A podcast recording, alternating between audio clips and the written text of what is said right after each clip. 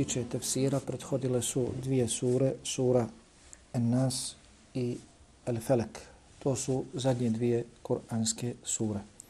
Mogli smo na tom času tefsira čuti nešto o povodu objave tih sura, o njihovim vrijednostima, mjestima i vremenima kada bi trebalo učiti te sure, odnosno lijepo je da se one uče.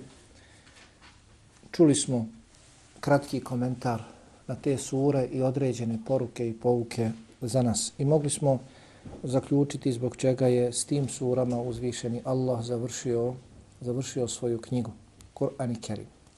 Prije ovih sura, dakle, sura En Nas je zadnja sura, 114. 113. sura je Felek, 112. sura je sura El-Ihlas. 112. sura jeste sura Al-Ikhlas, odnosno Kul huvallahu ehad. Sura Kul huvallahu ehad. Ova sura Ihlas sastoji se iz četiri ajeta. Ima četiri ajeta, 15 riječi i 47 harfova. Sastoji se iz četiri ajeta, 15 riječi i 47 harfova, dakle po hadisu Allahovog poslanika, alihi salatu wasalam, koje prouči, imaće 470 dobrih dijela, jer je rekao za svaki proučeni harf da čovjek ima 10 dobrih, dobrih dijela. I ovo je jedna od pet kuranskih sura koje otpočinju sa kul. Rekao sam u Kur'anu se nalazi pet sura koje otpočinju sa kul i prošli puta mogli smo čuti zbog čega određeni kuranski ajeti, određene sure odpočinju sa kul, riječi kul, odnosno reci. Pa jedna od njih je sura Nas, druga je sura El Felek, treća je sura Ikhlas, četvrta je sura Al Kafirun i peta je sura u predzadnjem džuzu, sura El Džin. Kul uhije ilaje ennehu stema nefaru min El Džin. Dakle, to je prvi, prvi ajet sura El Džin. Kod komentatora Kur'ana postoji razilaženje je li ovo mekanska ili medinska sura. Ispravnije je da je mekanska. Vidjet ćemo zbog povoda objave ove sure, a taj povod je vjerodostojan. Oni koji kažu da je sura medinska, spominju određeni povod, ali učenjaci hadisa kažu da taj povod nije vjerodostojno zabilježen. Ova sura Ihlas ima i druga imena. Kod nas se zove Ihlas, je li tako? El Ihlas. Ima i druga imena komentatori Kur'ana, mufesiri su gledali na njenu sadržinu i rekli da ta sura se zove i tako i tako i tako. Dakle, imamo ime Ihlas, ili tako. Dobila je ime Ihlas, mi najčešće prevodimo i vidimo u postojićim prijevodima da je to prevedeno kao iskrenost. Jeste, dakle, jedno od značenja riječi Ihlas jeste iskrenost. Pa ova sura Ihlas govori o iskrenom obožavanju Allaha, odnosno spoznaji Allaha, iskrenom predanju samo Allahu subhanahu wa ta'ala. Ova sura, mnogi to miješaju. Sura Ihlas, kul huvallahu ahad, ne govori o ibadetu Allahu, već opisuje Allaha. Govori da je Allah istinski Bog, odnosno istinski gospodar, zbog čega? Određeni osobina i spominje određena njegova imena. Sura Al-Kafirun govori o obožavanju Allaha jednog jedinog. Je li tako? Poznato nam je postoje tri tevhida. Tevhid kaže se uluhije, tevhid rububije, tevhid esmajve sifat. Dakle, iz dva Allahov tevhid uluhije da jedini on dostan da se obožava. O tome govori sura Al-Kafirun da je jedini Allah gospodar, o tome govori ova sura i također da jedino Allahu pripadaju najljepša imena, nevišene svojstva, o tome govori ova sura. Ova sura govori o tevhidu rububije i tevhide smava sifate, dok sura Al-Kafirun govori o obožavanju Allaha jednog, jednog jedinog, dakle govori o njegovom luhijetu, kao što ćemo vidjeti. Pa, dakle, zašto se zove ihlas, odnosno iskrena, jer traži od nas da iskreno potvrdimo Allahovu jednoću, da je Allah jedan jedini. Zbog čega sura kasnije govori. Također, riječ ihlas može se prevesti, prevesti kao čista, pa je dobila ovo ime ihlas jer je ona čista od svakog drugog ora. Što ne pišete? Hm? što ne pišete? Ono, pa ja ću reći da nema snimanja onda. Ono što možeš stići zapisati, su Oni koji su se prijavili hoće, moraju, ona braća koja dođu onako usput, njima nije obavezno. Oni koji su se tamo prijavili zbog tog broja, možda ja da je bio drugi broj manji, ne bi došao. Ja sam rekao u Tuzli, koga vidim da ne piše, on može biti razlog da se i drugi kazne, pa da se ne snima nikako. Znači, trebate pisati. Imate žene, imate djecu, treba to prenijeti njima. Kad ćete dobiti skriptu, kad ćete dobiti snimak, hm, trebate zapisati. Zapamtite, sigurno ne možete. Što ufatite, ufatite. Što stignete, stignete. Pokvari se jaski kamera, ode snimak. Sad pa sad. Ne. Nemoj bacat, nemoj bacat. Ono što... Ono znači čista. Ihlas također ima zna, ri, značenje riječi čistoće. Zato što je ova sura Kul huvallahu ehad čista od svakog drugog govora. Samo o Allahu govori. Ni o kome, ni o čemu drugo. Samo o Allahu, njegovim imenima, njegovim svojstvima. Zbog čega je tako i dobila vrijednost poslanik alihi salatu sam je rekao da je ravna jednoj trećini Kur'ana. Jer jedna trećina Kur'ana govori samo o Allahu. Druga trećina govori o propisima. I treća trećina govori o vjerovjesnicima, njihovim narodima kojima su bili poslani. Jesu li se odazvali, nisu se odazvali, šta je bilo na Dunjalku sa onima koji se odazvali, sa onima koji nisu odazvali se i šta će biti sutra na drugome svijetu. Pa je zbog toga, a čućemo dakle hadis o tome. Pa zbog toga dakle zove se ihlas, jer je čista od svakog drugog govora. Kažu komentatori, zove se tefrid, teđrid, tevhid. Ove sve tri riječi imaju isto značenje. Tefrid, teđrid, tefrid, teđ, da. Tefrid, teđrid, tevhid jer govori, dakle sve ove tri riječi imaju značenje izdvajanje Allaha kao jednog jedinog. Njemu jednom jedinom pripadaju osobine koje se spominju u ovoj suri. Niko drugi ne zaslužuje te osobine. Zove se kod komentatora Kur'ana još Neđat, En Neđat. Znači Neđat, kod nas ima ime, Neđat, ima ime. Neđat. Neđat u arapskom jeziku ima značenje spasa ima značenje spasa. Pa je dobila ovo ime jer čovjek učeći ovu suru, vjerujući duboko, čvrsto u njeno značenje i živeći po njoj, spasit će se. I na dunjalku i na hiratu. Onaj koji nauči ovu suru, ihlas, shvati je, razumije, razumije, svoj život uskladi po njoj, on će se spasiti i na dunjalku i na hiratu. Kažu komentatori da se još zove vilajet, vilajet, da se ova sura zove el vilajet. Dakle, sva ova imena su sa određenim članom. El ihlas, en neđat, ali eto. Vilajet. Jer onaj koji bude učio ovu suru, ali opet kažem, s razumijevanjem, sa ubjeđenjem, bude živio po njoj, bit će od Allahovih evlija.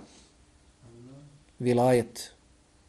Ha? Vilajet, dakle, jeste ona koja biva razlogom da postaneš Allahu evlija. I vidjet ćemo, Hadisi koji govore o tome da je Allah subhanahu wa ta'ala zavolio čovjeka zbog nje. Učio suru često. Jer ona opisuje Allaha, dakle učio sa razumijevanjem. Znao o čemu ta sura govori? Pa kažu vilajet, jer onaj koji je bude učio sa objeđenjem svoj život izgradio na njoj, taj će biti od Allaha i Hevlija. Također kažu ime Ma'rife, Ma'rifetun, Ma'rife. Ma'rife u arapskom jeziku ima značenje spoznaj, I doista, putem ove sure čovjek upoznaje svoga gospodara. Upoznaješ ko je Allah. Kul, huwa Allahu ahad. Reci, on Allah je jedan. Sura govori o tome, opisuje Allaha. Ma'rife, ma'rife. Ma ima gore apostrof, ovdje ayn, ma'rife. Kod komentatora Kur'ana ima i ime esas. Esas u arapskom jeziku ima značenje temelja ova sura govori o najvećem, najbitnijem temelju naše vjere. Govori o Allahu. Zato se i zove Esas.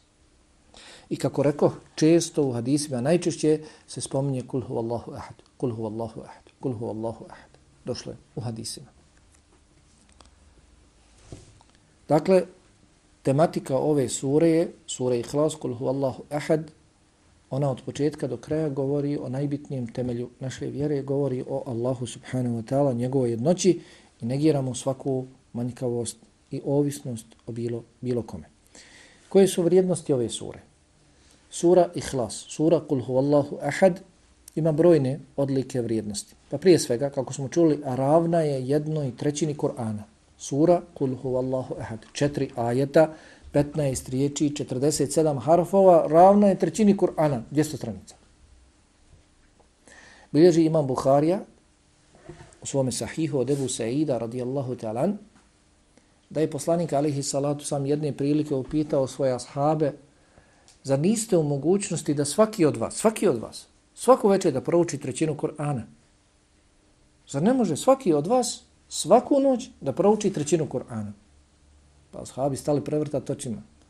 Da bi na kraju rekli, koje je to u mogućnosti Allahov poslaniče? Dvije stotine stranica, hajde, natjerali se jednu večer. Ali svaku noć da učim dok živim, ko to može? Allahov poslaniče pa je rekao, Allahul wahidu samed. Sura, kul hu Allahu ahad, Allahu l-wahidu samed je jednaka trećini Kur'ana. Sura, kul hu Allahu ahad je jednaka trećina Kur'ana. Svaki od nas može svaku večer da prouči trećinu Kur'ana da prouči kul hu Allahu ahad. Također, u drugom Buharinom citatu od Ebu Sa'ida al-Hudrija prenosi se da je jedan čovjek, jedan od ashaba, čuo drugoga kako uči suru kul hu Allahu ahad. Jedan od sahaba čuo je drugog kako uči suru kul hu Allahu ahad i ponavlja. Stamo nju uči, stalno. Pa se zapitao, što je ponavlja tako često sura koji svaka druga sura nije je smatrao nešto posebno. Pa ujutro na sabahu upitao je Allahovog poslanika alaihi salatu wasalam o tom slučaju, postupku. Pored mene moj komšija uči i ponavlja suru kul huvallahu ahad. I poslanik, ako stoji u hadisu, poslanik sallallahu alaihi sallam primijetio je da taj koji mu govori, prenosi mu događaje u svom komšiji, ne smatra suru nešto posebno suru kul huvallahu ahad. Pa je tada rekao, tako mi onoga u čijoj ruci moja duša, doista je ona ravna trećini Kur'ana. Tako mi onoga u čijoj ruci moja duša, dakle tako mi Allaha, doista je ona sura kul huvallahu ahad, ravna trećini Kur'ana. Dakle, kod Buhari oba citata.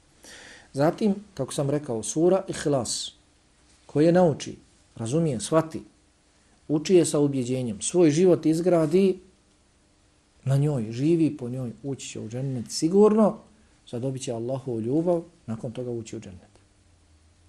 I u džennetu zadobiti džennetske dvorce. Pa je došlo.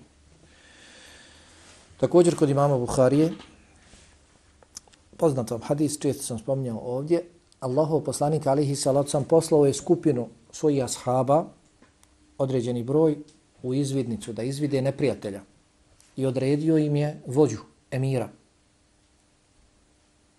pa ih je on predvodio u toj izvidnici i također kada bi nastupilo vrijeme nekog namaza, on bi im klanjao kao imam. Predvodio ih je u namazu. Pa bi svaki rekat završavao sa surom Kul Allahu ahad. Kada bi učio na glas, klanjao namaze na kojima se uči na glas, završavao bi sa Kul Allahu ahad. Pa im se to učinilo čudnim, ali on je emir, nema prigovarat. Kada su se vratili, obavijestili su Allahovog poslanika alihi salacom o postupku njihovog vođe, emira. Pa je rekao, što mene pitate, pitajte njega. On to radi, ne radim ja. Jer njima je bilo čudno zato što poslanik alihi salacom nije radio, a on radi. Završava svaki rekat na takav način. Pa kaže, pitajte njega. Kada su ga upitali, rekao je, Ja volim da je učim zbog toga što ona opisuje Ar-Rahmana, što ona opisuje sve milosnog. Allaha. Pa kada su se sa tim njegovim riječima vratili, poslaniku alihi salatu oslam rekao je obavijestite ga da je Allah njega voli. Imam Buhari. Zabilježio. Hadis vjerodostojan. Ja je učim tako često zato što ona opisuje samo Allaha. Obavijestite ga da i Allah njega voli. U drugom Buharijinom predanju, koji također bilježi Buharija, od Anesa ibn Malika. Spominje se u hadisu da je jedan od ashaba predvodio svoje prijatelje, drugove u mesčidu Kuba, kao imam, klanio im kao imam. Pa bi na svim namazima na kojima se uči na glas, nakon tekbira, proučene fatihe, prvo učio suru Kul huvallahu ahad, zatim kasnije, što je htio, od drugih sura. Znači na prvom rekatu, akšama, nakon fatihe, Kul huvallahu ahad, zatim uči druge sure. Na drugom rekatu akšama, Kul huvallahu ahad, nakon fatihe, zatim druge sure. I tako, na jaci, tako na sabah. Pa mu kažu, živ bio poslanik, to ne radi, nemoj. Nemoj više. Kaže, ako hoćete da vam ja budem imam, da vam ja klanjam, onda ja klanjam ovako ako nećete da ja klanjam ovako, onda ja neću ni klanjati. Tražite sebi drugog imama. Kaže, pogledali smo desno, lijevo, on je bio najučeniji. Od nas. Zar da nekoga drugog, manje učenijog ili neukog stavimo ispred njega, ne ide. Međutim, otišli su i pitali poslanika, ali ih sam za taj njegov postupak. Ima li to osnovi zbog čega to radi? Pa je opet rekao, ne pitajte mene, pitajte njega, on to radi. Kada su ga upitali na sličan način, je rekao da to čini iz ljubavi prema toj suri voli tu suru, jer ona opisuje Allaha subhanahu wa ta'ala. Pa kada se vratili sa tim riječima, rekao je poslanik alihi salatu wasalam, tvoja ljubav te uvela u džennet. Tvoja ljubav te uvela u džennet prema toj suri. Tvoja ljubav prema toj suri te je uvela, uvela u džennet. Bilježi imam Ahmed od Ebu Hureyre, da je poslanik alihi salatu sam noću prošao pored čovjeka koji je učio suru kul huvallahu ahad, pa je rekao vađabet, njemu je obavezan. Ashab koji je bio s poslanikom kaže šta mu je obavezan? Kaže obavezan mu je džennet. Kada ga je čuo da uči suru kul huvallahu ahad. Također kod imama Buharije stoji poznat hadis da je poslanik alihi salatu sam rekao ko prouči kul huvallahu ahad deset puta u toku dana bit će mu sagrađen dvorac u džennetu. Ko prouči suru kul huvallahu ahad cijelu, u cijelosti deset puta bit će mu sagrađen dvorac u džennetu. Dakle, to su vrijednosti sure Kul huvallahu ahad. Ravna je trećini Kur'ana. Putem nje se zadobiva Allahova ljubav. Ulaz, ulazi se u džennet i u džennetu se zadobivaju džennetski dvorci. Ko prouči Kul huvallahu ahad do kraja, dakle cijelu suru do kraja, deset puta Allah će mu sagrati dvorac u džennetu. Koji je bio povod objave ove sure? bilježi se dakle da su došli mušici i rekli o Muhammede, opiš nam svoga gospodara, opiš nam Allah. Ti pozivaš u Allaha, da se vjeruje, da se obožava Allah. Ko je Allah? Došli su dakle mnogobožci, muštrici. Oni koji, ha, sama riječ, mnogobožci imaju više bogova, obožavaju više bogova. Pa su došli, rekli, o Muhammede, ti pozivaš Allahu, ko je Allah? Pa je Allah subhanahu wa ta'ala objavio, kul huwa Allahu ahad. Kod nas je prevedeno, ha, malo, malo drugačije. Učite arapski jezik kako pogleda, da, da ustrajete na tove, pa da shvatite tu razliku. Kod nas je prevedeno, reci, on je Allah jedan. Tako je prevedeno. On je Allah jedan, tako. Otvori mushaf pa vidi. Reci, on je Allah jedan. Ne. Malo prije smo rekli, gdje se stavlja ono je? Nakon zadnje određene riječi i prve neodređene riječi. A stoji kul huvallahu ehadun. Hm? Pa dakle, ovo je treba da dođe nakon, nakon svih riječi prije zadnje riječi. Pa se kaže, reci on, Allah je jedan. Dakle, on o kome me pitate, Allah o kome me pitate je jedan. Ne kao što vi obožavate više bogova. Ja pozivam njemu, pozivam Allahu, on je jedan. On je jedan. Dakle, tada je objavljena ova sura u cijelosti. Mjesta na kojima je poslanik alihi salatu sam učio ovu suru i na kojima je preporučeno učiti ovu suru, ha, zajedno je poslanik alihi salatu sam suru Ihlas učio sa surom kafirun na sabaskim sunnetima, akšamskim sunnetima. Dakle, sunneti sabaski prije farda, na njima bi često učio na prvom rekatu kul jaju hel kafirun, na drugom rekatu kul hu Allahu ahad. Kod akšamskih sunneta, dakle, nakon farda, učio bi na prvom rekatu kul jaju hel kafirun, na drugom kul hu Allahu ahad. Čak stoji od Ibn Omera radijallahu anhuma da je rekao pratio sam poslanika alihi salatu sam mjesec dana šta uči približio sam mu se tako blizu i pratio šta uči na sabaskim i na akšamskim sunetima. Pa stoji u jednom od citata, primijetio sam da je 25 dana učio na prvom rekatu Al-Kafiru, na drugom, na drugom kolhu Allahu ahad. Također, uči se, ima dakle dva rekata nakon obavljenog tavafa. Kod tavafi? Kod umre ili kod hađa. Kada završi sedam krugova tavafa, od sunneta je da se ide i klanja ako se može naći mjesto iza meqami Ibrahima. I tamo se klanja namaz od dva rekata. Na prvom rekatu se uči kuljahel kafirun, na drugom kulhu Allahu ahad. Poslanika alihi salam sam učio. Zatim, ha, uči se kulhu Allahu ahad gdje? Na trećem rekatu vitra. Na trećem rekatu vitra. Kada kažem na trećem rekatu vitra, mislim da razumijete. Ha? Kada čovjek klanja zajedno prvi, drugi, treći rekat.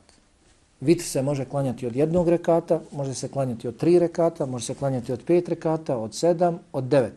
I imaju načini kako se klanja.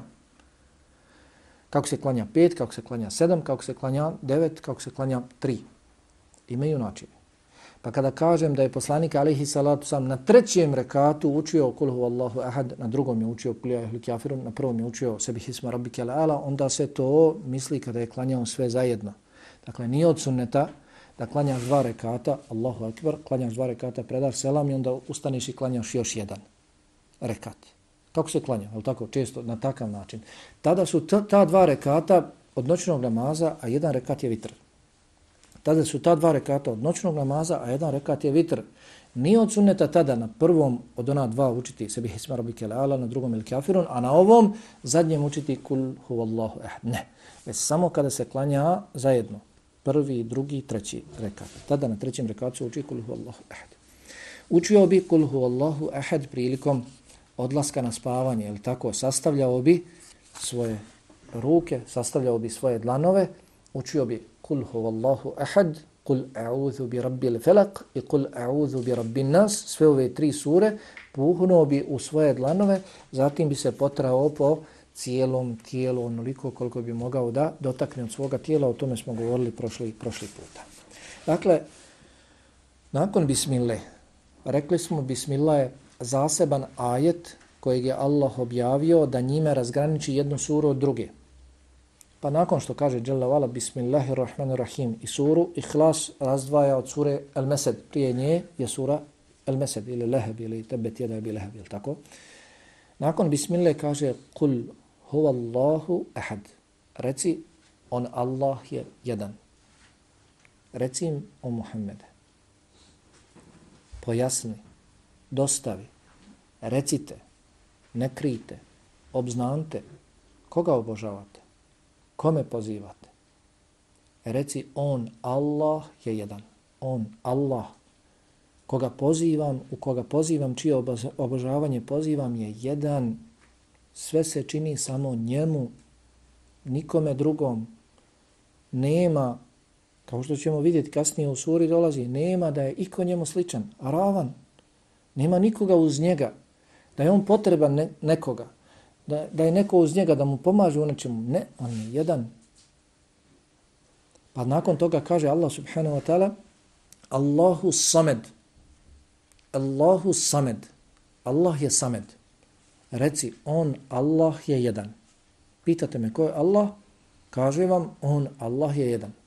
Ko je dalje Allah?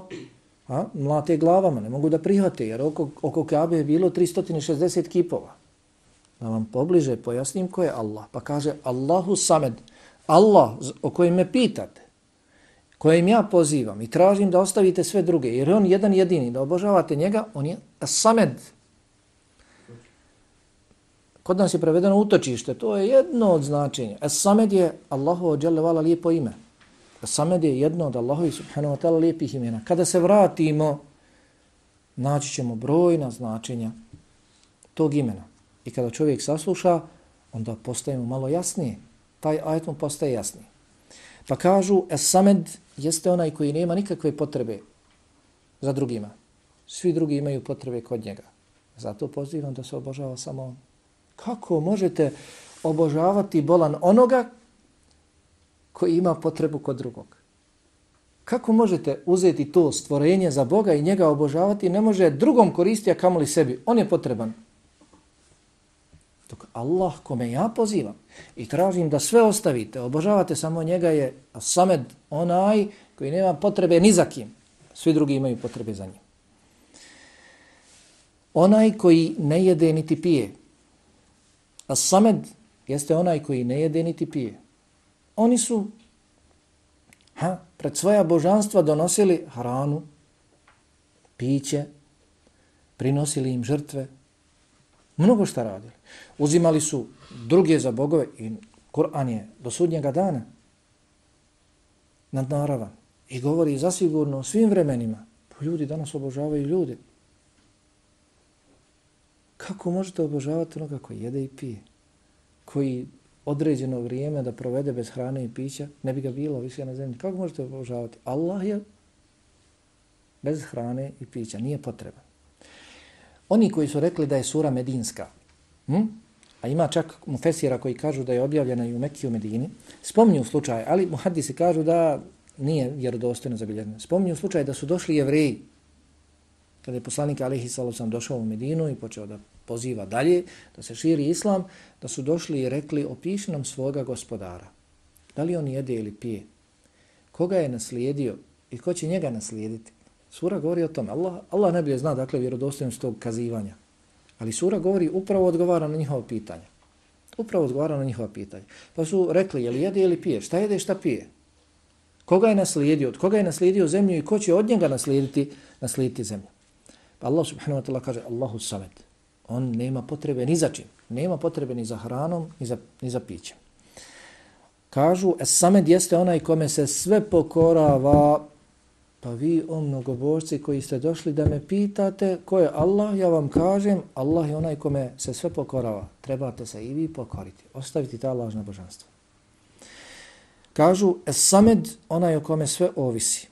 Kažu, es samed, onaj iznad koga nikoga nema. On je najuzvišeniji. Es samed, onaj koji je od uvijek i za uvijek. Es samed, jeste Allah dželavala onaj koji je od uvijek i za uvijek. Samed, onaj koji je potpun, onaj koji je savršen. Zato poživamo obožavanje njega. Dostojan je da bude gospodar i dostojan je da spustim svoje čelo samo njemu na seždu. Zato što je on savršen, sve drugo je manjkavo. Zato što je jedini on gospodar, sve drugo su stvorenja koja je on stvorio. Kako da ne padam na seždu njemu, a da padam na seždu stvorenjima? Nakon toga kaže Allah subhanahu wa ta'ala lem jelid wa lem juled. Nije rodio i rođen nije. Kod nas se to najčešće prevodi. Nije rodio i rođen nije. Odnosno misli se nije rodio. Nema potomka. Odnosno misli se on je zauvijek. I nije rođen. Odnosno misli se on je oduvijek. Hm? On je zauvijek i oduvijek. Čovjek rađa sebi potomstvo trudimo se, jel tako, ženimo se, hoćemo potomstvo, da imamo djecu. Zbog čega? Želimo da se nastavi naša loza. Ovaj onaj. Potrebni su nam u našim životima, potrebni smo pomoći. Njihove. Allah, dželavala, ničeg toga nije potreban. Allah je za uvijek. Nema potrebe da neko dođe da nastavi njegov. Allah je za uvijek. Allah nikada neće proći. Znači ga nista, nikada nestati kullu men aliha fan wa yabqa wajhu rabbika dhul jalali wal ikram. Sve što je mimo njega, sve što je na zemlji će proći. Ostaje samo on. Evo potrebe on nizaki da neko nastavi iza njega, niti da je on potreban nečije pomoći. Haša vakela. Ovim ajetom Allah subhanahu wa ta'ala odgovara lem jelid nije rodio, odgovara mnogobošcima prvo. Jer su oni govorili da su meleki Allahove kćeri odgovara kršćanima, jer su oni govorili i govore da je Isa Boži sin. I odgovara jevrejima, jer oni kažu da je Uzair Boži sin. Lem jelid, nije rodio. Volem juled, i rođen nije. Odnosno, on je od uvijek. On je od uvijek. Pitali su koga je naslijedio i ko će ga naslijediti. On je od uvijek. On je od uvijek. Huval awwalu wal akhiru wal zahiru wal batinu. Tako treći ajd sure, sure al-hadid. On je prvi i posljednji. On je bio kada nikoga nije bilo. I on će biti kada nikoga neće biti. Zato pozivam da ostavite svoja lažna božanstva. Oni će proći. Allah ostaje. Vi bolan ta lažna božanstva vi pravite svojim rukama. Vi ih rađate i obožavate. Allah nije rodio, niti je rođen. On je naslijedio zemlju. On, njegova je zemlja. On ju je stvorio i ostaje u njegovom posjedu. Hm? Zatim kaže وَلَمْ يَكُنْ لَهُ كُفُوًا أَحَدٍ وَلَمْ يَكُنْ لَهُ كُفُوًا أَحَدٍ I nikoga njemu nema ravnog. Niko nije kao on. Nikomu nije sličan. Niko nije dostatan Allahu. Niko nije kao on. Zato kada me vi, o mušrici i mnogobožci koji obožavate druga božanstva, pitate o Allahu zašto pozivam njemu da se on jedini obožava, sve drugo ostavi zato što je on ovakav. On je jedan prije svega, a kada je jedan, onda to znači da je savršen potpuno, da nije potreban nikoga. Ha, potreban ti je neko, Allahu pripada najvišeni primjer, potreban ti je neko na dunjalku da nešto uradiš, zoveš ga. Zašto? Zato što nisi ti u mogućnosti. Allah je kadar sve. Allah je svemoćan. Allah je savršen. On je jedan. On je utočište svemu. Svi imaju potrebu za njim. Ne jede, ne pije kao vi i vaša božanstva. O njemu ovisi sve. Sve se njemu pokorava. Bez njega se ništa ne rješava. Hajde, promijenite ako možete. Ne možete. I mnogo što drugo. I nije rodio i rođen nije. Kao što se vi rađate i vaša božanstva, zato njemu niko nije, niko nije ravan. I ovim ajetom Allah subhanahu wa ta'ala odgovara, je tako, mušlicima mnogobosima koji su tvrdili da i njihova božanstva, pa i meleki i vjerovjesnici raniji da učestvuju zajedno sa Allahom dželavala u vladanju. Ne. Allah je jedan jedini, njemu niko nije sličan ravan. Poruke i pouke iz ove sure. Sure i hlas. Dakle, čuli smo da je ravna jednoj trećini Kur'ana. Jer govori samo o Allahu subhanahu wa ta'ala. Pa trebali bismo i mi da je često učimo. Jer govori samo o Allahu subhanahu wa ta'ala. Učimo zato što su kratke, ali što ne znamo plaho drugih. Pa često nju, ne, čuli smo zbog čega je trebamo učiti. Čuli smo zbog čega je prošao, uči ashab, kuluhu Allahu ahad, kaže, vođebet, obavezan mu je džennet. Učio, ponavljao, kaže, tvoja ljubav prema njoj, uvela te u džennet. Pa kaže, zbog čega to radiš, zbog toga, zbog toga, zato što opisuje milostivog, obavijestite ga i njega Allah voli, zbog toga trebamo učiti suru. Kada vidimo koje je značenje, ogromno značenje, kratke sure. Pogledajte, zadnje sure su tako razvaljujuće. Mušrike, mnogobožce, ljude, nevjernike razvaljuje. Postiče na sunnet, na sljeđenje sunneta poslanika alihi sallam, kori onoga ko se bori, obećava lošu završću onome ko se bori protiv poslanika alihi sallam, ko odvraća od Allaha, od njegovog puta. Zadnje sure razvaljuju, pogotovo zadnji džuz, amme džuz, govori o čovjeku. I govori čovjeku. Najviše poruka i pouka u amme džuzu je došlo čovjeku. Zato on se uči na pamet prvi džuz. Taj.